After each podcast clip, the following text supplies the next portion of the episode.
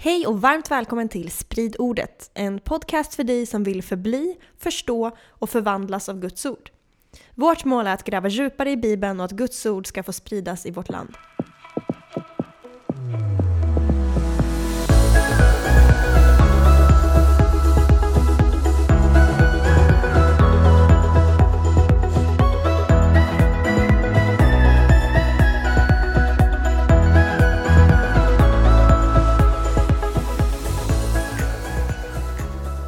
Så hur glad blir man inte av den här introsången? Jag blir lika glad varje gång. Den är så bra. Ja, stort tack till Fredrik Hermansson som har skrivit den. Men eh, det är inte det vi ska prata om idag. Nej. För vi ska nämligen gå in på nästa avsnitt i serien Greppa GT. Vad har vi pratat om tidigare i den här serien, Petrus? Först kollade vi på att Gamla Testamentet, alltså de första 39 böckerna, är relevanta för oss idag. Det är inte något vi kan kasta bort, utan det är en jätteviktig del av vår tro. Och vi kollade på hur Jesus och apostlarna såg på det. Eh, och att de menar att eh, det handlar om Jesus. De menar att det handlar om vishetslitteratur. Det handlar om saker som hjälper oss förstå att vi blir frälsta i tron på Jesus. Och sen i andra episoden, vad kollade vi på då? Var det då vi pratade om eh, Nej, första var också hur Jesus såg på mm. Gamla Testamentet. Och i andra pratade vi om mönsterbilder Exakt. i Gamla Testamentet. Om hur man kan se, man kan läsa Gamla Testamentet utifrån att det är profetior som återupprepar sig. Det pratade vi om. Ja, och det pekade på att typ Adams berättelse blir Israels berättelse och hur vi människor är inkapabla att följa Guds bud för att vi har en syndig natur. Och det blev ju temat för tredje episoden också. Att typ hur vi än gör så går inte så bra att hålla buden för vi är syndiga. Och det som händer då är ju att Gud lovar, redan där i Gamla Testamentet, eller Tanak då, eh, det judarna kallar mm. sina skrifter, utlovar han ett nytt förbund. En ny ande, att det ska komma in helig ande på vår insida och hjälpa oss leva ut det Gud har kallat oss till. Och det här var jätteviktigt för oss för att vi, vi menar ju att när Jesus kommer in och, med det här Nya Testamentet, då uppstår han inte ur ett vakuum. Det är Nej. inte så här tomt, utan hans budskap är 100% i linje med GT. Så bra. Men eh, så vi pratade ganska mycket om lagen i förra Greppa GT-avsnittet. Men det vi inte pratar så mycket om är ju Alltså frågor jag får i alla fall när man pratar om Gamla Testamentet och hur man ska se på det idag, det är ju just vi gick ju inte in på specifika frågor, eller specifika lagar menar jag. Till exempel så finns det ju de tio budorden. Och där pratar man ju fortfarande och lär ut mycket om att det här ska vi hålla så gott vi kan. Sen så räcker nåden till. så det är ju bra. Men vi pratar ju inte om så här att man ska stena folk som är sexuellt omoraliska idag. Vi pratar inte om att man ska undvika att äta räkor vi pratar inte så mycket om hur vi ska offra. Hur vet man liksom vilka lagar man ska följa och vilka man inte ska följa? För vi kan ju inte kasta bort Gamla Testamentet, det sa du ju innan. Nej. Så hur vet man vilka lagar som man ska hålla och inte? Ja, vi, vi hoppas att vi, vi, vi kan inbjuda på en resa att försöka förstå det eh, och att lyssnaren tillsammans med oss kan försöka greppa det bättre. Um, och vi har ju alltid ett go-to-ord här i våra egna liv och det är Apostlagärningarna 17.11 där det står liksom att de i Berea tog emot ordet med öppenhet och villighet, men de efterforskade i skrifterna dagligen för att se om det kunde förhålla sig så. Alltså de var öppna för det de fick höra, undervisas, men sen kollade de upp det själva om det stämmer. Och det är liksom det vi vill göra här, att vi vill uppmana bara folk att gräva djupare i Bibeln, mm. så att man inte bara ska sluka allt vi säger, men vi vill ta på en resa i förståelsen kring det. Yes, så det är lite av de här frågorna vi ska närma oss idag. Om eh, lagarna i i Gamla Testamentet. Ja. Yes. Så att mycket av den här podden handlar om att vi slår hål på myten om att Gud skulle vara annorlunda i Gamla Testamentet och Nya Testamentet. Mm. Eh, utan vi talar om precis samma Gud. Den Gud Jesus modellerar i Nya Testamentet är precis samma Gud i de första 39 böckerna. Gud har alltid varit kärlek, Gud har alltid varit helig, Gud har alltid varit god, Gud har alltid hatat synden. Och om vi fattar andras slutsatser om Gamla Testamentet än vad Jesus säger om Gamla Testamentet, då gör vi ju fel. Ja, precis. Så där har vi ett, det bästa rättesnöret i hur man greppar GT. Se hur Jesus greppade GT. Ja, ja. Exakt. Jag tror det första vi behöver göra skillnad på här, som vi gjorde sist, men som alltid kräver en repetition, det är att vi behöver göra skillnad på Gamla förbundet och det kristna idag kallar Gamla Testamentet. Och Gamla Testamentet är de här 39 böckerna som jag tycker är mycket bättre att säga Tanak, för det är det judiska namnet på det. Det betyder lagen, profeten och skrifterna. Det är samlingsnamn på det. Mm. För att de skrifterna innehåller gamla förbundet. Men de pratar om ett nytt förbund, de pratar om en du behöver en helig ande och allt det här. Så att det är bara att förbundet är en del i en större berättelse. Bibeln är en enda stor berättelse. Så gamla förbundet ryms i gamla testamentet. Men Ja. gamla testamentet pratar även om mycket annat också. Mm. Exakt, det är en stor berättelse som leder fram till Jesus och hans rike. Och som du och jag är nu är delaktiga i den berättelsen. Woho! Så Gamla förbundet, det är alltså Sinai-förbundet. Det är Gud sluter med Israels folk på Sinai. Och sist kollar vi då på hur lagen, in, alltså lagen, då, då pratar vi om lagarna i berättelsen. Ja. Hur lagarna i berättelsen, för det, lagarna ges inte som i ett, ett sjok, bara puff, här är 613 bud, följ dem, utan de läggs på hela tiden i berättelsen. Så vi, vi kollade på hur, hur de betedde sig innan lagen och sen efter lagen och hur de inte riktigt blir det folk Gud hade kallat till, dem till. För de hade så mycket synd på insidan på hjärtat så det var ett hjärteproblem och de behöver ett nytt hjärta och en ny ande. Mm. Så det första, vi ska göra här i flera steg då. Jag tror det första vi ska göra är att vi ska sätta in lagarna i Bibelns berättelsekontext. Yes. Sen ska vi kolla på lite hur lagarna i den här gamla regionen som Israel befann sig i, som man brukar kalla Främre Orienten, och lite hur lagar funkade där. Är det det som kallas Mellanöstern idag? Främre, främre Orienten? Ja, precis. Alltså på, på engelska säger man near east. Ja, precis. På svenska säger vi inte nära östern. Det gör man fortfarande. Alltså, i, I USA gör man det fortfarande. Och så skiljer man på near east och middle east lite. Okej. Men, eh, Men det är de typ samma region. Ja, där precis. någonstans. Ja, och, och det sista vi ska göra då är kolla på hur de här lagarna pekar på ideal och hur Jesus och apostlarna lär oss hur vi ska tolka det, Gamla Testamentets lagar idag. Mm, intressant. Så när man läser Bibeln, då behöver man göra en kulturell resa.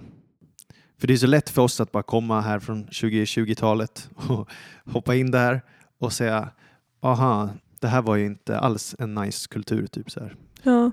Men det är lite som om du och jag skulle åka till ett annat land, förslagsvis i öst. Om vi skulle resa till ett land idag i Mellanöstern eller typ, eller bara något, ja, men bara ett land som skiljer sig mycket ja, i kultur i från Asien liksom. där vi bor. Då, då skulle man ju gärna vilja ta reda på deras seder och det är fascinerande och du kanske skulle köpa en sån här liten turist... Turistboken. Har du gjort det någon gång? Eh, nej, men eh, jag vet att min mamma brukade alltid låna en sån på biblioteket innan vi skulle åka någonstans. Precis, och så researchar man Ja, lite så att man inte är helt out of the blue. Ja, det är väl bra. Fint. Respektera kulturen Ja, och platsen precis. man ska till. Och det behöver vi väl göra när vi reser till Bibelns land och Bibelns värld. Så. Och Bibelns tid. Ja, precis. precis. Så vi pratat om att, eh, i någon tidigare episod om att Torah, som är de fem Moseböckerna, översätts ofta till lagen eftersom de innehåller lagen. Men det är en ganska förvirrande översättning för att det skulle lika gärna kunna översättas med undervisning eller instruktion. Just det. Så hela Torah, de här fem Moseböckerna, är egentligen en enda enad berättelse om hur Gud vill ha ett folk som älskar Gud och älskar sin nästa. Mm. Det är Bibelns budskap på ett sätt. Och eh, Torah är inte en lagbok. Vi behöver repetera om och om igen. Vad Alltså, sa du, sa du? det är verkligen inte bara lag. Alltså, det är inte som att du tar upp Sveriges rikes lagbok och sen så slår du upp lagparagraf det här, bla bla bla. bla. Det är inte så eh, de fem Moseböckerna, eller Moseboken, är designat att fungera. Så, så om man använder det som en lagbok bara, det är lite som att du försöker gräva med en hammare. Det, det kan alltså Vilken fin funka. liknelse! Nej, men det kan funka, men det var inte vad den var designad för att göra. Nej, det låter ju också lite krångligt om man skulle se det så. För du sa ju precis eh, här i början att alla lagarna gavs inte på ett och samma, vid ett och samma tillfälle. Nej, Så då måste man ju leta i någon, någon fläta där vart man ska hitta vad. exakt.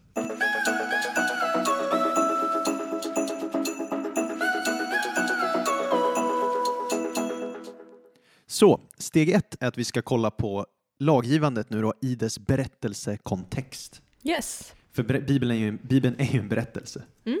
Och det är en awesome berättelse. Eller ditt favoritord är episk. Jo, episkt. Episk berättelse. Och Bibeln börjar ju med att Gud skapar människan. Han sätter henne i Edens lustgård. Han eh, vi gick ju igenom det här i episod 1, men han, han skapar människan och han, han ville egentligen etablera Guds rike på jorden.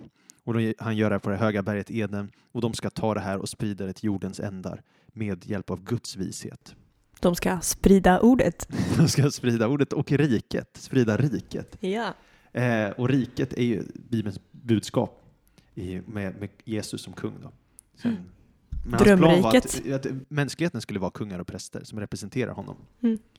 Adam och Eva de försöker med det här, men de gör det i sin egen vishet. De tar frukten, de kastas ut och det blir kaos här. Och efter mycket om och men så spolar vi fram i berättelsen och Gud utväljer en person som heter Abraham. Just det. Abraham. Och han ska ju också eh, komma tillbaks till det här Eden då, för Gud vill ha människor att samarbeta med. Han vill etablera sitt rike på jorden. Och det gör han genom att folk litar på honom och håller buden. Så här. Och det sägs faktiskt att Abraham trodde Gud och det räknades honom till rättfärdighet. Mm. Och att Abraham höll buden och lagarna och Torah, står det i Första Mosebok 24. Till punkt och pricka. Det står inte till punkt Det står pricka, inte. Vad det står är, poängen är att hur du håller lagen i Bibeln, det är genom att du följer, alltså du lyssnar till Guds röst. Ja. För han tror. levde ju innan lagen. I alla fall, han får ju ättlingar, de kommer i slaveri i Egypten och sen så räddar ju Mose dem ur slaveriet, ur Egypten. Det är grymt. Det är grymt. Och det i sig självt är ju sen en, berättel, en profetisk bild på Jesus. Som vi skulle kunna prata om någon annan gång. Ja, vilken bra Ja. idé. Ja, och de kommer över det Röda havet. Boom. Eh, som kristna ser sen som en bild på dopet och så kommer de ut i öknen. Och sen när de är där i öknen då är det ett stort folk som blivit räddat ur slaveri. Och det är nu Gud har tagit det här folket som han vill etablera riket med igen. Och då tar han upp dem igen på ett högt berg och ska göra det här förbundskontraktet. Så- liksom om Eden var ett högt berg där Gud slutade ett förbund med människor för att representera honom och vara Guds, Guds avbild, reflektera Guds skönhet och Mm. utbreda det och vara välsignelse för hela världen. Det återupprepar sig här i Sinai berget då, som de kommer till. Yes. Och det här sker i Andra Mosebok. Mm. Så nu, det är här kontexten, berättelsen kommer i då. Eh, lagen kommer i. Lagen kommer in. Och Mose går upp på berget, han får de här budorden. Han får specifikt tio budord. Yes. Och det är för att folket har sagt att de vill tillhöra Herren. De Ja. vill ut, eh, sluta sig till Herren. Så Gud sluter det förbundet med hela folket. Inte bara med Mose, utan med hela folket. Så det är inte bara Gud som kommer med random Hej, här har ni lite regler och förhållningssätt, varsågod. Utan det är ett, det är ett ömsesidigt förbund Ja, som de går in i. det är ett samtycke. Ja. Och, och Gud säger så här, nu har jag räddat er. Men nu vill jag att ni ska representera mig. Mm. Lite som att räddning sker före representation i kristna tron. Gud för dig ut i mörkret, frälser dig och sen kommer ju det här kristna kallar helgelse. Ja. Och där kommer lagen in. Ja, ja, men, Eller? ja, ja precis, precis. För lagen blir då Gu- Guds vilja på det här berget där han uppenbarar hur de ska leva när de ska tillhöra honom som hans folk. Och det första Gud säger är att jag vill, min vision för er är att ni ska vara kungar och präster. Ni ska alltså Ja. regera och representera mig på jorden. Och här får ni nå- några, några bud. Och då börjar det med de här tio budorden. Kommer du ihåg dem? Du ska inte ha några andra gudar vid sidan av mig. Ja. Och eh, man ska hedra sin far och sin mor. Man ska inte ha falskt vittnesbörd eller vad det står. Och Ja. du ska inte ha begär till din nästas hustru och prylar och grejer och såna grejer. Ja, exakt. Och så vidare och det är så en vidare. lista, lista med tio, tio budord. Och ett av budorden är du ska inte missbruka Herren din Guds namn. Mm. Och det är ett ord som egentligen är lite dåligt översatt. För att på hebreiska står det du ska inte bära Guds namn förgäves. Eller du ska inte bära Guds namn dåligt. Eh, Så det här handlar om ambassadörskap. Ja, så att man blir ambassadörer för Gud. För Gud, ja. Alltså man ska vara en bra representant. ja. Så det är inte bara att man inte ska svära. Nej, precis. Inte bara att använda Guds eh, namn på ett nedsättande sätt. Nej. Nej, utan det är mycket mer. Det, det handlar om att bära hans namn. Mm. Om någon är intresserad av det där finns det en superbra bok som heter Why Sinai Still Matters av Dr. Carmen Imes som skrev sin doktorsavhandling på det här ämnet. Och det, Vilken legend. ja, det är jättebra. Queen. Hon pratar ju om då Sinai-förbundet, hur det är till för att peka på Guds vishet och allt det I alla fall, så att Mose går upp där på berget, får de här Ja. buden och Gud säger okej, det här är liksom spelreglerna för det här förbundet, det gamla förbundet, Sinai-förbundet som jag vill ha med er. Ni ska representera mig. Och det är några bud, det är tio stycken. Sen får han några till, lite hur han ska bygga ett tabernakel, lite regler kring så här, ritualer och seder och sånt. Men Lite smått och gott. lite smått och gott. Men vi har ju hört, eller du kanske, vi har ju pratat om det i en podd tidigare, att det, de får 613 bud. Ja, var får de dem någonstans? Det är ju inte direkt där på berget. Nej, de fick inte plats på stentavlorna. Nej, det var bara tio. Men det sker i berättelsekontext. Så de får några stycken. Sen är det några berättelser. Sen får de nya bud, sen är det berättelsen, sen får de nya bud. Vad menar du med berättelser? Ja, episoder, vad som händer i öknen när de vandrar där. Ja, så att det är liksom en timeline som... Precis. Och alla lagar ges inte bara det här är den gudomliga lagboken given från Kaboom! himlen. Eh, liksom, puff, utan och följ det här till punkt och pricka. Det här är min plan för er. Det här är den ultimata människan. Utan snarare we learners, we learn as we go. Ja, och det är det här som är starka, att Gud möter folket där de är och tar dem på en resa. Mm. Så de här tio budorden, vi kommer märka i berättelsen då att de är inte nog. För många av livets områden lämnas oberörda. Så här i Andra Mosebok 20, 21, 22, 23 Ja. så finns det massa olika bud. Det är det många forskare kallar så här förbundskoden eller förbundsboken. Och det, det kan handla om hur de ska tillbe, hur de ska utöva rättvisa, straff för saker och så här. Högtider, lite, lite sådana här introducerande grejer. Men sen, om Israel tror att det är allt de behöver, då tror de fel. Låt oss läsa Andra Mosebok 23, vers 20. Se, jag sänder en ängel framför dig och han ska bevara dig på vägen och föra dig till den plats som jag har förberett. Ta dig tillvara för honom och lyssna till hans röst. Var inte upprorisk mot honom. Han kommer inte att förlåta era överträdelser, ty mitt namn är i honom. Men om du uppmärksamt lyssnar till hans röst och gör allt vad, vad jag säger ska jag bli en fiende till dina fiender och en ovän till dina ovänner. Ty min ängel ska gå framför dig och föra dig till amorenas, hetiternas, periseernas, kananéernas, hiveernas och jebusiternas land och jag ska utrota dem. Så det här är en berättelse om att Gud kommer också ge dem en ängel, en ställföreträdande ängel för Herren. Han bär Herrens namn. Han kommer ge dem beskydd, ledning och instruktion och ledarskap och för, hjälpa dem föras in i det här förlovade landet Mm. som just nu bebos av folk som dödar sina barn och offrar dem och begår hemska synder så att. Gud tolererar inte att se på längre. Men poängen med det här, att det här fylls i direkt efter en berättelse av att få lite lagar, det är att lagen är inte allt Israel behöver. De behöver en ängel också. Ja, precis. De behöver fortsatt vägledning. Vad är, vad är grejen med att ängeln inte ska förlåta deras överträd, överträdelser? Har ingen aning. Ingen aning, faktiskt. Jag vet ju inte ens vem den här ängeln är. Ehm, Om du vet som lyssnar så hör gärna av dig. Vi vill lä- lära oss.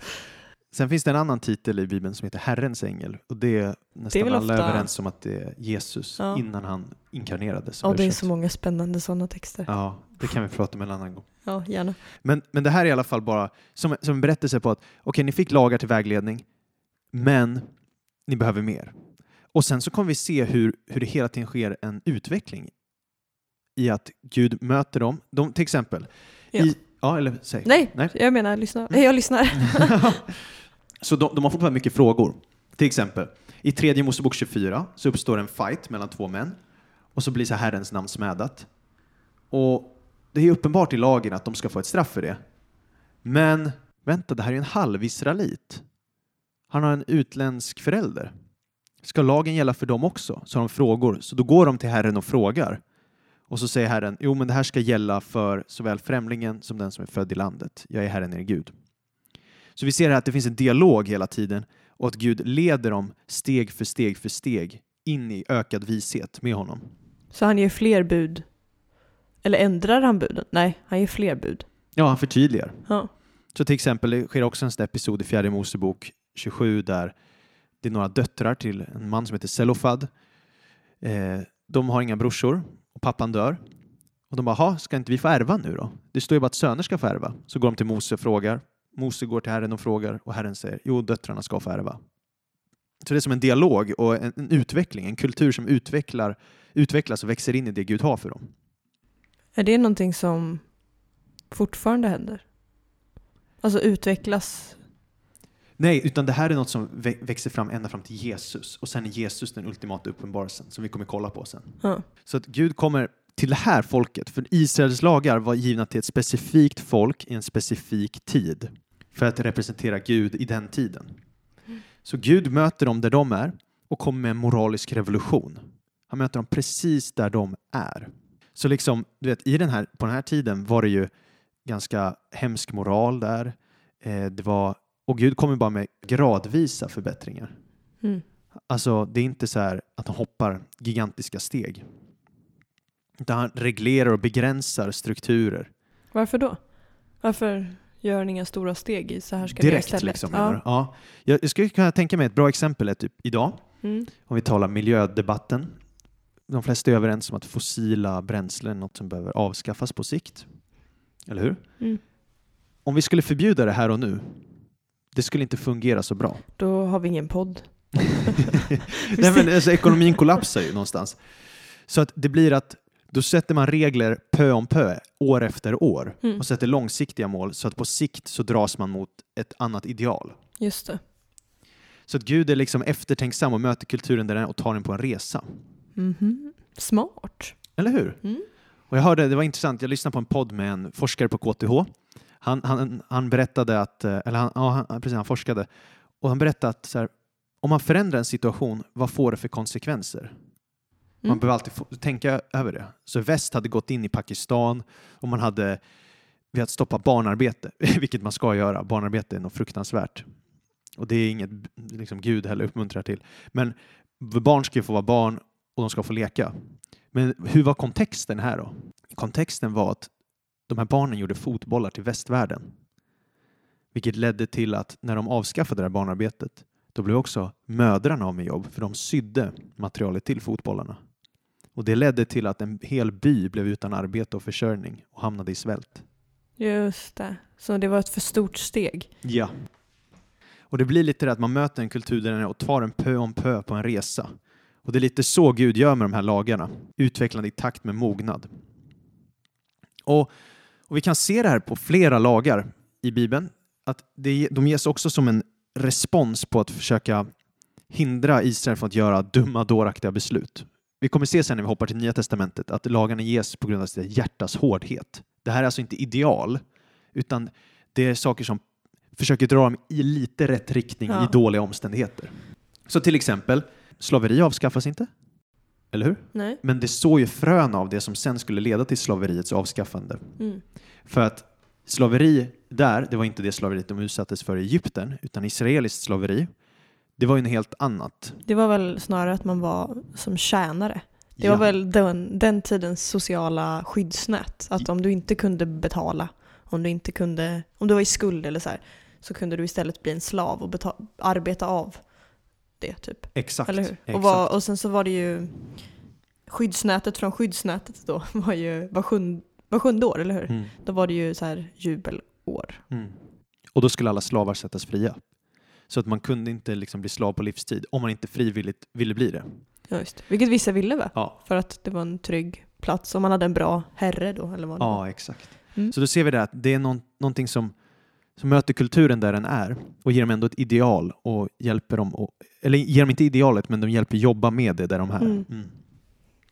Och så ges många lagar i relation till berättelsen. Vad intressant. Eller hur? Mm. Så till exempel när Israel syndar, då behöver de fler lagar för att hålla tillbaka synden. Tror är, storylinen. Men sen märker vi att de har så hårda hjärtan, de syndar. Det pratade vi om förra episoden, att det är så syndig natur som man bara bryter mot mer och mer lagar. Vi behöver anden. Ja, amen. Så till exempel när, när Israels barn ska gå in i det förlovade landet, de ska ju så här speja, de, de skickar ut lite spejare och kollar in landet så här. Och de bara, ah, nej, vi, vi får nog otro till det här och vi vågar inte göra det här. Mm. Direkt efter den berättelsen så säger Gud, nej, säg till Israels barn, det här är i fjärde Mosebok 15, vers 38. Säg till dem, släkte efter släkte, de ska göra tofsar i hörnen på sina kläder och sätta ett mörkblått snöre på varje hörntofs. Ni ska ha sådana tofsar och när ni ser dem ska ni tänka på alla Herrens bud och göra efter dem och inte följa era egna hjärtan och ögon som lockar er till otrohet. Så ska ni tänka på att göra efter alla mina bud och vara heliga inför er Gud. Jag är Herren er Gud som förde ut Egyptens land för att vara er Gud. Heligt fashion. Ja, du har ju sett hur ortodoxa judar klär sig. Det är ju så här. Och, Blå tofsar. Och, det, och det här är direkt respons till den här spejarberättelsen som hände innan. För det är samma hebreiska ord som används. Så här, ordet torr, det betyder typ speja. Men det, han använder det där också som att de ska inte följa sina hjärtas ögon. Följa. Det är samma ord, torr. Mm.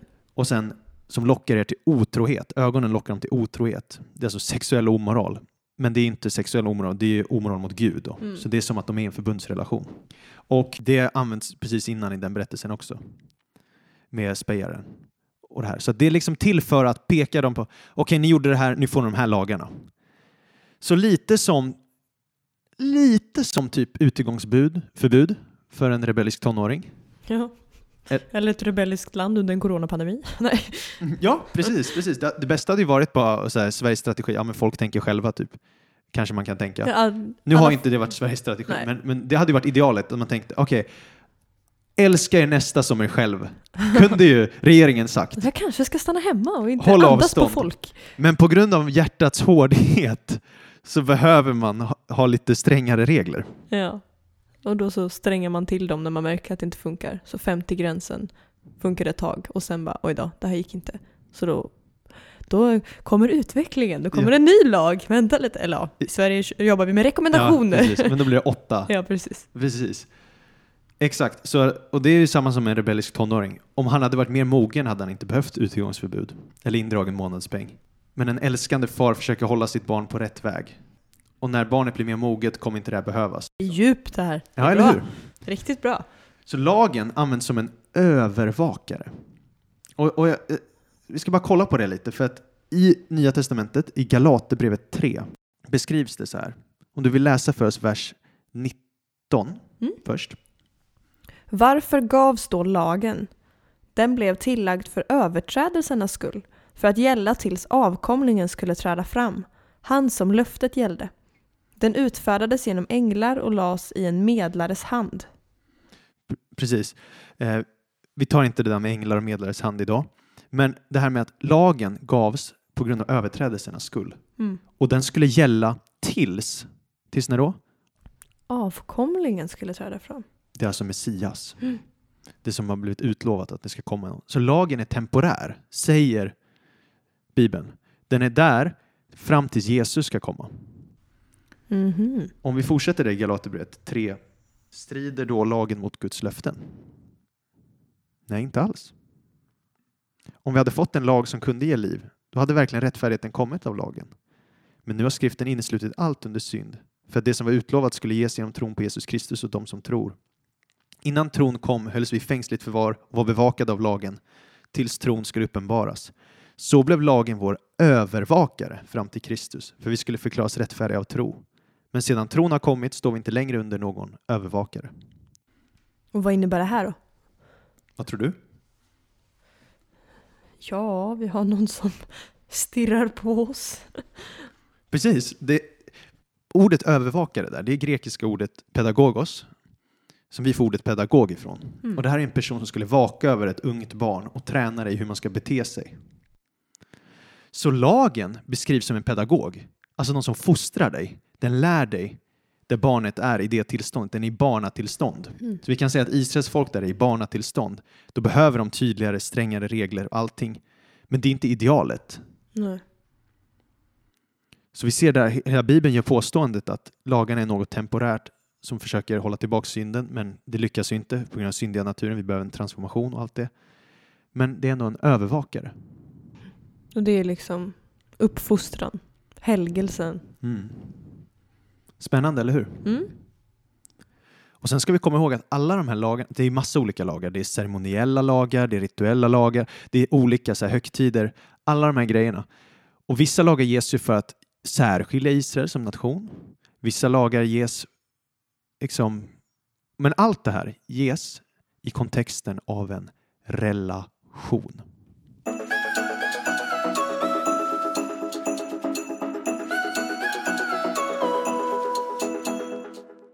Tänk dig du och jag, vi är en familj. Nu Ja. har inte vi några barn, men om vi tänker att vi skulle ha barn.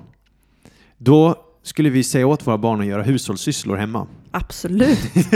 Städa ditt rum, Ja. hjälp till med middagen, gör klart dina läxor innan du får spela dataspel. Eller du kanske skulle förbjuda dem helt att spela dataspel, vad vet jag. Det fun- fungerar olika i olika familjer. Eh, men det skulle ju vara jättekonstigt om du och jag gick till grannbarnet och sa Hej!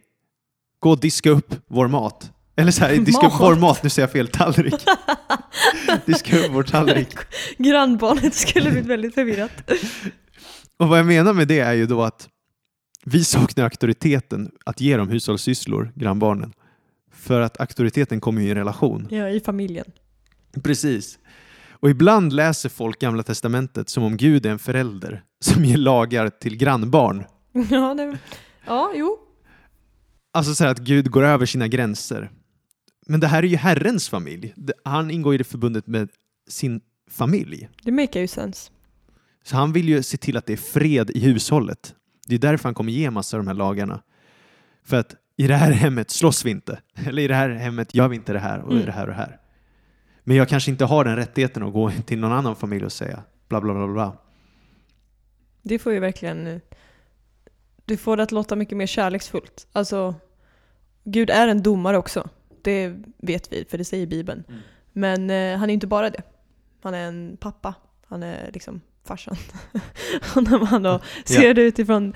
Då låter det liksom inte lika hårt. Nej. Men regler är ju bra för alla. Om man, alltså i ett hem eller whatever, en fotbollsplan. Mm. Exakt. Och Israels folk gav ju till och med samtycke till Ja. att ingå i det här. Så jag tänkte bara, vi kan också kolla lite på hur det skiljer sig, våra moderna lagar idag jämfört med förr. Hur man ser på det. Ja, eller, precis. eller vad som står i lagboken. Ja, det, det är också en dramatisk skillnad. Men till exempel i, i modernt samhälle, Ja. du, nu har ju du läst mer juridik än jag, ja, en termin på socionomprogrammet. men det är ju typ så i stil med att idag så har vi stadgar som blir befästa av en lagstiftare och de säger att det här är vad du får göra och inte göra eller ska göra och om du inte gör det får du specifika straff av staten. Typ om man följer ganska Ja, om man paragrafmässigt. förenklar det, så ja. Men, gamla, alltså så här, men gamla lagkoder, så på Israels tid då, fungerar inte så. Utan så här, forskare av gamla kulturer de kommer fram till att lagarna är mycket mer hypotetiska snarare än bindande. Och vad menar du med det? Ja, men till exempel, man har kollat på en av världens äldsta lagar som kallas Hammurabis lagkod. Det är från gamla Babylonien på typ 1700-talet före Kristus. Ja, Det är jättelänge sedan. det var länge sedan. Det är ju 3700 år sedan. Men då kollar man på det och då finns det en lag där med typ 282 lagar. Ja. Och då ser man att det har gjorts kopior av den lagen sen och fortsattes göra flera sekel efteråt. Och så börjar man se att aha, de här lagarna tillämpades inte punkt och pricka, utan det var mer som en vishetsförebild i hur man kan regera. Och vad menar du med vishetsförebild? Ja men typ alltså, de här sakerna är inte juridiskt bindande, utan han säger, ja men nu, nu kommer jag inte ihåg vad som står i Hammurabis lagkod, men säger du får göra det här så får du det här straffet. Ja. Då tillämpade man inte det till punkt och pricka, utan om de bröt mot det, då får de typ det här straffet istället. Man hämtade inspiration från vad som stod. Och sen så var det upp till varje domare. Domaren fick auktoriteten att bedöma liksom vad som konsekvensen skulle bli för beteendet. Och det var så man såg på lagtexter på den här tiden då? Mm, exakt. Så att de är lite ungefärliga. De visar vad som är rätt och fel, men... eh, Men sen är det upp till domaren att göra avgörandet. Och han, Okej. han får mer fritt spelrum. Ja. Jag vet inte om det om jag förklarar det bra. Jo, nej, men det... Det make sense. Ja. Det är typ så här att lagkoden är inte det slutgiltiga. Alltså auktoriteten ligger inte 100% i orden som är nedskrivna. Nej, utan hos själva domaren. Mm. Eller? Ja, ungefär. Precis så. Så att lagarna var mer exempel på hur domare kan utöva idealet av rättvisa. Mm. Mm. Så, och då är det väldigt troligt då att Israels lagar fungerar på samma sätt. Eller liknande i alla fall. Liknande. Det är det troliga, gissningen Mm. då. Att man då ser Sinai-lagarna som vishetslitteratur. Ett porträtt av förbundshållande israeliter, Guds vishet. Och det här kan vi nog se är fallet eftersom vi inte har några berättelser i Bibeln om hur vissa lagars straff tillämpas och så vidare. Så det här har lett till att de flesta forskarna ser på de här gamla lagarna på det viset som de ser de andra gamla lagarna på. Men eh, hur ska vi förhålla oss till dem idag då? Vilka ska vi förhålla oss till och på vilket sätt? Ja, Eh, låt oss kolla på det.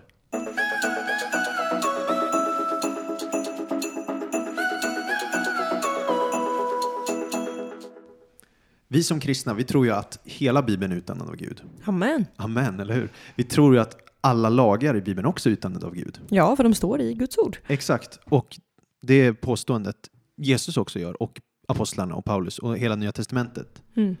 Så vi som kristna behöver förhålla oss till det. Och vi har kollat lite på lagens funktion nu i berättelsen och lite hur man kan tolka dem. Men nu ska vi använda oss av Jesus och apostlarnas tolkningsfilter så ska vi se att de här lagarna, vi ska fortsätta läsa dem idag. Men det betyder kanske inte nödvändigtvis att vi ska hålla dem, men vi kommer se vad de pekar på och lär oss. Så först skulle jag vilja det är ganska vanligt att teologer delar in lagarna i GT i tre kategorier. Man pratar om civilrättsliga lagar, ceremoniella lagar och moraliska lagar.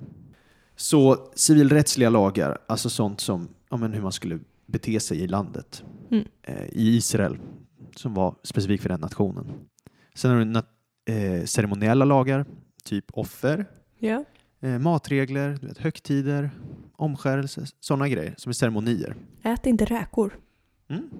Eh, precis, för det är ju att de eh, avskiljs som folk. De Mm. ska, Det ska vara ett annorlunda folk. Ett annorlunda folk. om Som, som ambassadörer för, eh, för Gud. Precis. Och sen moraliska lagar. Typ, Yes. typ du ska inte dräpa. Ja, tio budorden. Ja, exakt. Så då finns det lite olika sätt hur vi ska se på det här. Inom, det blir lite nördigt här, men det är okej. Ja, men det är så vi jobbar. Det är så vi jobbar. Inom reformärt teologi, då bruk, alltså de som präglar reformationen. Så, Så det är en kristen teologi. Ja, ja visst, absolut. Reformärt teologi. Men det, man brukar traditionellt säga att det är den moraliska lagen som är det vi ska applicera idag. Så man ska Mm. hitta de moraliska lagarna i GT och de gäller oss fortfarande idag. Sen de civilrättsliga, det var specifikt för Israel och den ceremoniella, det är bilder ofta på Jesus Kristus då. Mm. Mm. Som man har uppfyllt, typ offren, Jesus, eh, de här djuroffren, det var en bild på Jesus, högtiderna, det var en bild på Jesus och så vidare. Mm. Men det finns en annan approach som, som är väldigt snarlik, Ja. som man kan kalla liksom den principaliserande eh, approachen. Och det, det är att man tittar på varje lag i hela Bibeln och sen frågar man sig vilken princip ligger bakom det här? Så vad är liksom andemeningen eller grundtanken i en lag? Exakt. Så till exempel, visst vi kristna vi, vi är inte under de här lagarna längre för det var historiskt kulturellt för den tiden. Men det finns en princip bakom allt Mm. och det ska vi extrahera. Den ska vi plocka med oss. Precis. Och det tror jag är närmast sanningen.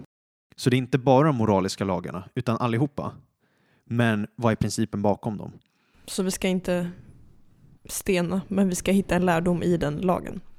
Exakt, och det här ser vi ju eftersom Jesus behandlade det på det sättet. Jag, jag ska precis fråga dig, vad säger Jesus om det här? Låt oss kolla. Ja. Ja.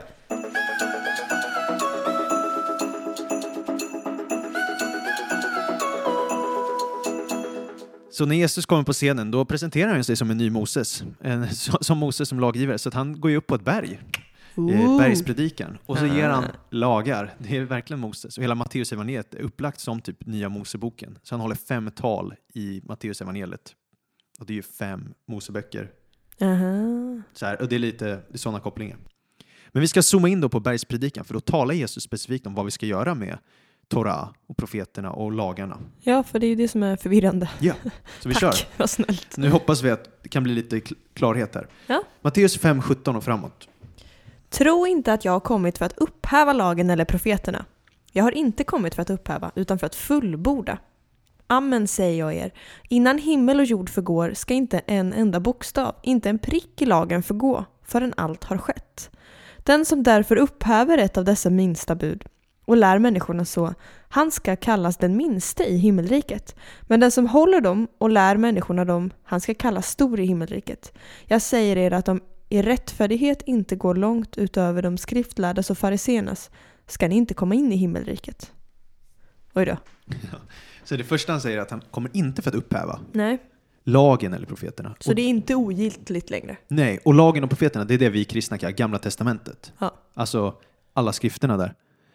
Utan jag kommer för att fullborda hela den här berättelsen, den här episka berättelsen som finns i Gamla Testamentet, säger Jesus. Det kommer jag nu för att fullborda. Och sen går han på specifik pricknivå, liksom på bokstavsnivå och säger allt det här kommer uppfyllas och du ska inte upphäva något av de här buden. För om du lär människorna det, då kommer du kallas minst i himmelsriket.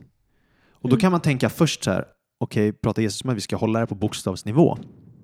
Eller hur? För det låter ju så, liksom, inte minsta. Men då kommer han fortsätta nu i bergsspridning och hjälpa oss förstå vad han menar med det.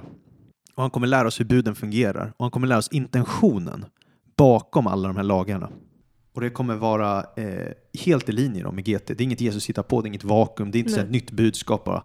Utan på ett sätt är det det gamla budskapet och han bara tolkar Bibeln hur den alltid ska ha tolkats. Så ett exempel är till exempel budet om mord. Ja. Jesus adresserar då i Matteus 5.21. Och det var stening på det, eller? I Gamla Testamentet. ja, ja det, om du mördar någon då, då ska du betala med ditt eget liv. Ja, precis. Och vad säger då Jesus om det? Ni har hört att det är sagt till fäderna, ni ska inte mörda. Den som mördar är skyldig inför domstolen. Jag säger er, den som är vred på sin broder är skyldig inför domstolen. Och den som säger till sin broder, ditt dumhuvud, är skyldig inför Stora rådet. Och den som säger, din dåre, är skyldig och döms till brinnande Gehenna. Så här säger han att okej, ni har hört du ska inte mörda, Det är inte enough. men Det är guys, det är värre än det. Alltså du vet, om du kallar någon typ en idiot, om du hatar någon, då begår du mord i hjärtat. Ni måste se andemeningen bakom det. Om du gör det, det är liksom, då är det Gehenna som gäller, helvetet som gäller. Så att han, han striktar Ja. till lagarna ännu mer. Vi är ju verkligen körda om inte nåden hade funnits. Precis, och det är därför det är så viktigt att ha kontexten av vår tidigare episod med, med lagen och rättfärdighetsgörelsen genom tron och vi behöver ha vårt hopp till Messias som gör oss rena och så här. Men det här är i alla fall hur han visar hur lagen ska tolkas. Eller typ, han talar en liknande grej i Bergspredikan när han säger att du ska inte svära falskt, har ni hört? Ni har hört att man ska hålla sin ed inför Herren. Men jag säger, du ska varken svära, varken vid himlen eller jorden eller någonting annat, utan ert tal ska vara ja, ja och nej, nej. Allt utöver det kommer från den onde. Så det Jesus säger är, Det ska inte ens behövas finnas att man behöver svära en ed, för man Nej. ska kunna lita på varandra, att man talar sanning och håller det man lovar. Exakt, och det är andemeningen bakom budet. Mm. Och det är så ni ska leva. Det är ju verkligen en eh, ödmjukande text för de som lyssnar. För jag tänker att många kunde nog tänka att så här, "Ja, men jag har ju inte mördat någon, jag har hållit alla mina eder så jag klarar mig. Men sen Jesus bara, vänta lite här nu. Det går ännu djupare, det går till hjärtat. Precis. Och då bara, oj då, men då klarar ju inte jag det här, hur ska jag klara mig? Och Jesus bara, har ni hört talas om nåden? ja, exakt, exakt. Så han lär ju att det här är den typen av folk Gud vill ha. Ja. Jag går efter hjärtat. Ett rent hjärta. Ett rent hjärta. Och sen när Jesus ska sammanfatta då, lagen och profeterna och buden, det gör han i Matteus 7.12 i det som kallas gyllene regeln. Allt vad ni vill att människor ska göra er, det ska ni också göra dem. Detta är lagen och profeterna.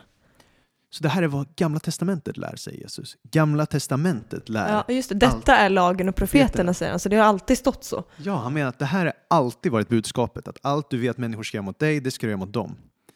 För att när han ska sammanfatta allting, allting handlar om att Gud vill ha ett folk som älskar Gud och älskar sin nästa. Det, Det är liksom ande, ande, andemeningen av precis, varenda. det är bakom alla bud är att Gud vill ha ett folk som älskar. Ja. Och, och det här får vi stöd från i, i Jesus berättelsen. Så om vi, om vi bara läser Matteus 22, 34 och framåt. Fariseerna hörde att Jesus hade gjort saduceerna svarslösa och samlades kring honom. En av dem, en laglärd, ville sätta honom på prov och frågade Mästare, vilket är det största budet i lagen? Han svarade Du ska älska Herren din Gud av hela ditt hjärta och av hela din själ och av hela ditt förstånd. Detta är det största och främsta budet. Sedan kommer ett som liknar det. Du ska älska din nästa som dig själv. På dessa två bud hänger hela lagen och profeterna. Så du ser där, GT, lagen och profeterna, hänger på de här buden. Mm. Allt är baserat på kärlek till Gud och älska sin nästa. Ja. Allt utifrån den här kärleksfulla relationen. Och det är det, Jesus kommer ju och säger att det är så alltihop sammanfattas. Men då kan ju inte vi komma och säga då, kristna så här, eh, ja men allt gäller kärlek, så att vi ska bara älska som vi vill och hur vi definierar kärlek. Utan för lagen och hela Bibeln ger oss hur Gud definierar kärlek och hur Gud utövar kärlek. Mm. Och det är där vi får visheten från de här buden i Gamla Testamentet. Och det är därför det är så viktigt för oss att läsa GTs lagar med den här linsen då av andemeningen bakom, principerna bakom, Mm. intentionen bakom. Så det är så vi ska tolka, eller så vi vet vad vi ska följa i, utav lagarna. Det Precis. som är andemeningen bakom. Exakt, vad är andemeningen bakom allting? Typ, till exempel eh, de här offerlagarna, vad är, vad är meningen med det? Ja, men då ser vi i Nya Testamentet, allt var ju till för att peka på Jesus fullkomliga offer. Och Jesus tog det offret så att vi behöver inte offra längre. Precis. För han var det fullkomliga offret. Exakt. Eller till exempel de här högtiderna, påsk och Mm. pingst och lövhjudehögtid, allt det där som finns i Gamla Testamentet, det uppfyller Jesus. För att allt pekar på honom. Så det var inte specifikt att vi behövde, behöver göra dem längre, för det var en bild på Jesus. Och matlagarna, det säger ju också Nya Testamentet något om. Då kommer Jesus och förklarar all mat ren. Ja. För att det, här, det var bara till för att särskilja Israel som nation i Mm. den tiden och hålla en kulturell stark identitet. Och stenande. Du hakar upp dig på stenen Ja men den är ju tuff alltså. Det är Ja. ju den som är svår. Är, då är det liksom Då är det att... för Gud markerar ju ofta i passager med stenarna så säger han du ska utrota det onda från dig. Oftast är det ju till exempel avgudadyrkan som är Ja. kontexten. Ofta. Eller sexuell omoral eller liknande grejer. Och då är det för att markera att det här får inte finnas bland er. Mm. Men det betyder att om, om det betraktades så, det är, Gud förespråkar inte stenande idag i Nya Nej. Testamentet. Utan det var ju i den kulturen, den tiden. Sen vet vi inte hur mycket de utövade heller, för att judendomen Ja, förändrades mycket ja. över tid och de stenade inte ens på Jesu tid.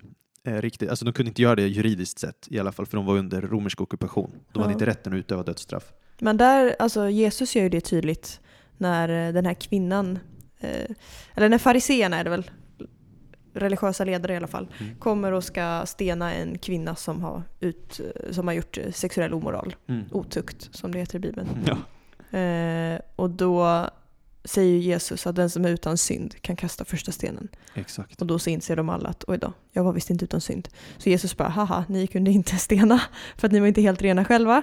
Men han säger fortfarande andemeningen då bakom till Ja. kvinnan att gå, inte heller jag dömer dig, gå Nej. och synda inte mer.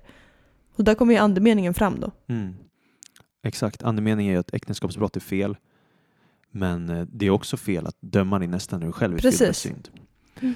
Och det här det är så komiskt då när folk vill attackera kristna för att säga ah, varför stenar ni inte med, varför är ni inte bibeltrogna och allting.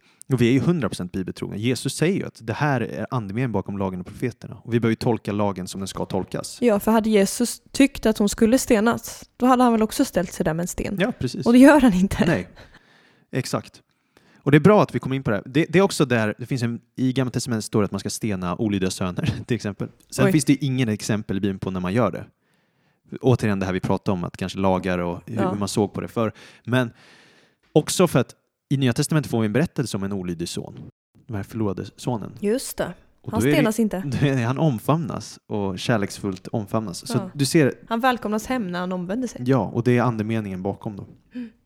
Men jag tycker det var intressant här, för bara så att vi får rätt tolkningsfilter Ja. så vill jag verkligen att vi läser Matteus 19. För då kommer vi se verkligen hur Jesus ramar in hur lagarna har getts i kontexten av att människor har hjärtas hårdhet. Gud kom inte med idealen, han mötte kulturen där de var för att ta dem på en resa mot idealet. Mm. Och Jesus visar oss idealen. Och han pekar tillbaks på Gamla Testamentets texter också, men inte lagarna då, för att visa idealen. Om det maker sense. Vi läser Matteus 19 så, så kommer vi märka här eh, vad jag menar med det. Från vilken vers? Från vers 3. Några fariseer kom fram till honom och ville snärja honom och sa Är det tillåtet att skilja sig från sin hustru av någon anledning? Han svarade Har ni inte läst att skaparen från begynnelsen gjorde dem till man och kvinna och sa Därför ska en man lämna sin far och sin mor och hålla sig till sin hustru. Och de två ska vara ett kött. Så är de inte längre två utan ett kött. Vad Gud har fogat samman ska människan inte skilja åt. De sa till honom varför har då Mose befallt att mannen ska ge hustrun ett skilsmässobrev och skicka bort henne? Han svarade, därför att era hjärtan är så hårda tillät Mose er att skiljas från era hustrur. Men från början var det inte så. Jag säger er, den som skiljer sig från sin hustru av något annat skäl än otukt och gifter sig med en annan, han begår äktenskapsbrott. Ja, vi stannar där. Mm. Så du ser här vad Jesus säger. Han säger Hörni, guys, ni frågar helt frå- eh, fel fråga. Så här, ni, ni, ni, bara undrar, får, jag, får man skilja sig eller inte? Mose säger ju det. Och Jesus säger, Ni fick, Jesus, ni fick de lagarna för att ni har så hårda hjärtan. Mm. Det här var inte Guds tanke eller ideal. Utan mitt ideal har alltid varit en man och en kvinna då, i i ett livslångt troget äktenskap här. Inte att ni skiljer er, Mm. men för att ni hade så hårda hjärtan på grund av den syndfulla naturen så kommer jag här med en suboptimal lösning Ja. och, och mötte er där. Men Jesus pekar ju på den högre, goda lagen då. ja. Så det här är jättekraftfullt, för Jesus pekar tillbaks på Eden-idealet, alltså Guds rike från första början. Så han, Jesus refererar till skrifterna. Återigen, det heter skrifterna, han hittar inte på något utanför skrifterna. Gamla testamentet är ganska relevant. Ja, exakt. Alltså, Kontexten i hur lagarna gavs var ju att ni hade hårda hjärtan. Så ni måste tolka det utifrån det, de här lagarna. Titta på idealen bakom. Och, och vi fattar ju sådana lagar hela tiden, som vi pratade om innan med pandemin eller så här. Mm. I allt möjligt, eller så här, socialtjänsten. Du kan säkert komma på något exempel det här kring... Ja, alltså.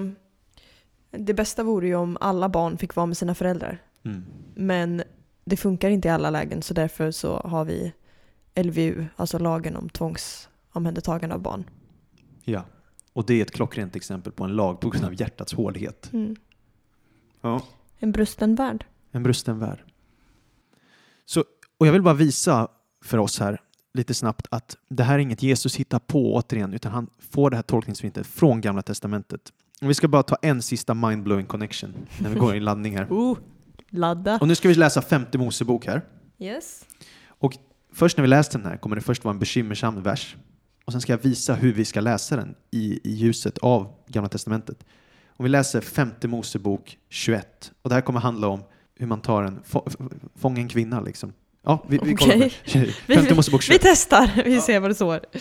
När du drar ut i krig mot dina fiender och Herren din Gud ger dem i din hand så att du tar fångar och du bland fångarna får se en vacker kvinna som du fäster dig vid och vill ta till hustru. Så ska du föra henne in i ditt hus och hon ska raka sitt huvud och ansa sina naglar. Okej. Hon ska lägga av de kläder hon bar som fånge och hon ska bo i ditt hem och få sörja sin far och mor en månads tid. Därefter får du gå in till henne och bli hennes man och hon ska bli din hustru. Om du sedan inte finner behag i henne ska du låta henne gå vart hon vill. Du får inte sälja henne för pengar och inte heller behandla henne som en slavinna eftersom du har förnedrat henne. Oj, vilken grej! Eller hur? Så Gud ger... Så då, då, då läser man där så tänker man, vänta, ger Gud om tillåtelse att förnedra en kvinna här då? Eller hur? Eller det låter ju så. Det låter lite skumt ja. Exakt. Men då är det hela den här texten en kritik mot deras hårda hjärtan. Och jag ska visa varför, hur, hur i ramen av Gamla Testamentet är det det också. För den inleds så här med, när, när du ser fångar så får du se en vacker kvinna och du fäster vid henne och vill ta henne till hustru. Då ska du göra de här grejerna. Brutalt. Du ser, hon ser vacker ut och du vill ta. Och sen det de gör är att han ger regler att du får inte ta henne direkt utan det måste vara 30 dagar av hon får sörja, hon får liksom en värdig sörjeprocess innan du tar henne. Allt det här så att Gud mildrar konsekvenserna för kvinnan. Mm. Men varför är det här en kritik och ett beteende Gud inte egentligen uppmuntrar? Jag kan säga det, 100 procent. Mm. För att, var har jag hört de här fraserna tidigare i Bibeln? När man ser någonting som ser gott ut och man tar det till sig. En frukt i en trädgård kanske? En frukt i en trädgård. Då är det ju en kvinnan, Eva, hon ser att trädet var gott att äta av. En fröjd för ögat. Jag kände det var lockande. Så tog hon frukten och åt. Och det här, jag är 100% övertygad om att det här använder exakt samma hebreiska ord för att peka oss tillbaka på att det här är inget nice. Nej, det här det är är en synd. Mm. Det här är en synd. Men är det då som att Gud vet att ni kommer ändå göra de här dumheterna så därför kan jag i alla fall ge några lagar så att ni, ni följer på något vis i alla fall. Så att inte kvinnan blir helt utelämnad och förnedrad. Det är precis så. Precis som du pratade om det här lagen om tvångsomhändertagning. Mm. Det är så här. Jag, jag, jag vill inte tvångsomhänderta någon, något barn. Nej. För det ska vara fungerande föräldrar, liksom, fungerande relationer. Men okej då, nu är det så här fruktansvärt pissig situation. Mm. Då, bara ge, då, då gör jag det bästa ur en riktigt dålig situation. Och det här är en enorm kritik och möter kulturen där den är och tar den på en resa. Det här är beteende Gud fördömer. Mm. Och vi ser till exempel det här mönstret. Se, ta, se åt det något gott i sina egna ögon och ta det. Det är över hela Bibeln. Det, det handlar om eh, änglar i Första Mosebok 6. De ser någonting som de tar till sig för de ser att det är gott i sina egna ögon. I Första Mosebok 12 så ser farao Sarai att hon är vacker och tar henne. Och Abraham lurar farao till att ta henne. Så det blir som att farao är den nya Eva, Sarai är det nya trädet, Abraham är ormen. Alltså det, det vill säga jättemycket designmönster i Bibeln. Nu går jag fort fram här för att episoden rinner mot sitt slut och vi har tillräckligt med tid. Men poängen är i alla fall att det här är ett, en kritik mot det här beteendet. Ja. Så det är en lag trots deras hjärtas hårdhet. Smart gud ändå. Så lagarna är inte Guds ideal. De är inte det fullkomliga livet. De pekar på idealet. Mm. Så de var ett sätt för Israel i den tiden att visa förbundstrohet till Gud, walk the talk och ta dem på en resa till att bli det folk Gud kallat dem till. Så då när vi läser Gamla Testamentet idag, vi kristna, då ska vi helt enkelt fråga vad är idealet? Vad är idealet med den här lagen? Vad är andemeningen bakom det? Vad pekar den på? Vad är principen? Och gå tillbaka till skrifterna. Och ofta då är det ju till exempel du säger du ska inte skörda ut i kanten. Då kan vi extrahera en vishetsprincip där. Eller, eller när Paulus säger du ska inte binda munnen för oxen som tröskar. Då extraherar Paulus i Nya Testamentet en vishet om att du ska betala folk som arbetar hårt. Huh. Du ska få en lön för ditt arbete och så vidare och så vidare. Du ska hedra din far och din mor. Ja, det är en vishetsprincip. Och allting så här. Vi ser tionde, många kyrkor idag. Då ser vi ja, vishetsprincipen bakom tionde i Gamla Testamentet. Det är ju att ja, men vi ska supporta de som ägnar sig åt eh, andliga aktiviteter ekonomiskt så de kan utöva det. Mm. Och idealet är säkert att alla ger fritt och glatt av ett villigt hjärta. Mm. Men nu, nu ger den här lagen om tionde då för att möta er där ni är, liksom så att i alla fall det alltid finns ekonomisk tillförsel. Ja. Och så vidare. Så det är vishetsprinciper i allt och det är så man ska läsa de här lagarna. Så bra, jag har lärt mig så mycket. Ja, jag hoppas att det är lärorikt och egentligen skulle vi behöva typ fem episoder på det här så det väcker säkert många frågor. Men vår mål är ju bara att folk ska gräva djupare i Bibeln genom det här och ge Ja. lite redskap. Och eh, nästa avsnitt kommer mest troligt vara vårt sista avsnitt i serien Greppa GT. Ja, Vad kommer vi prata om då? då vill vi bara knyta ihop säcken med att det handlar om Jesus. Och så kanske vi får en språngbräda in till en ny serie efter det. Ja, och vad det blir, det får ni se. Och eh, glöm inte att höra av er till oss. Eh, Petrus och Jenny Eurell heter vi på sociala medier. Hör av er, vad har ni lärt er? Har ni några frågor? Har ni någon kritik? Vi vill höra. vi ser fram emot att eh, få höra från er och eh, vi hoppas att ni får förbli, förstå och förvandlas av Guds ord.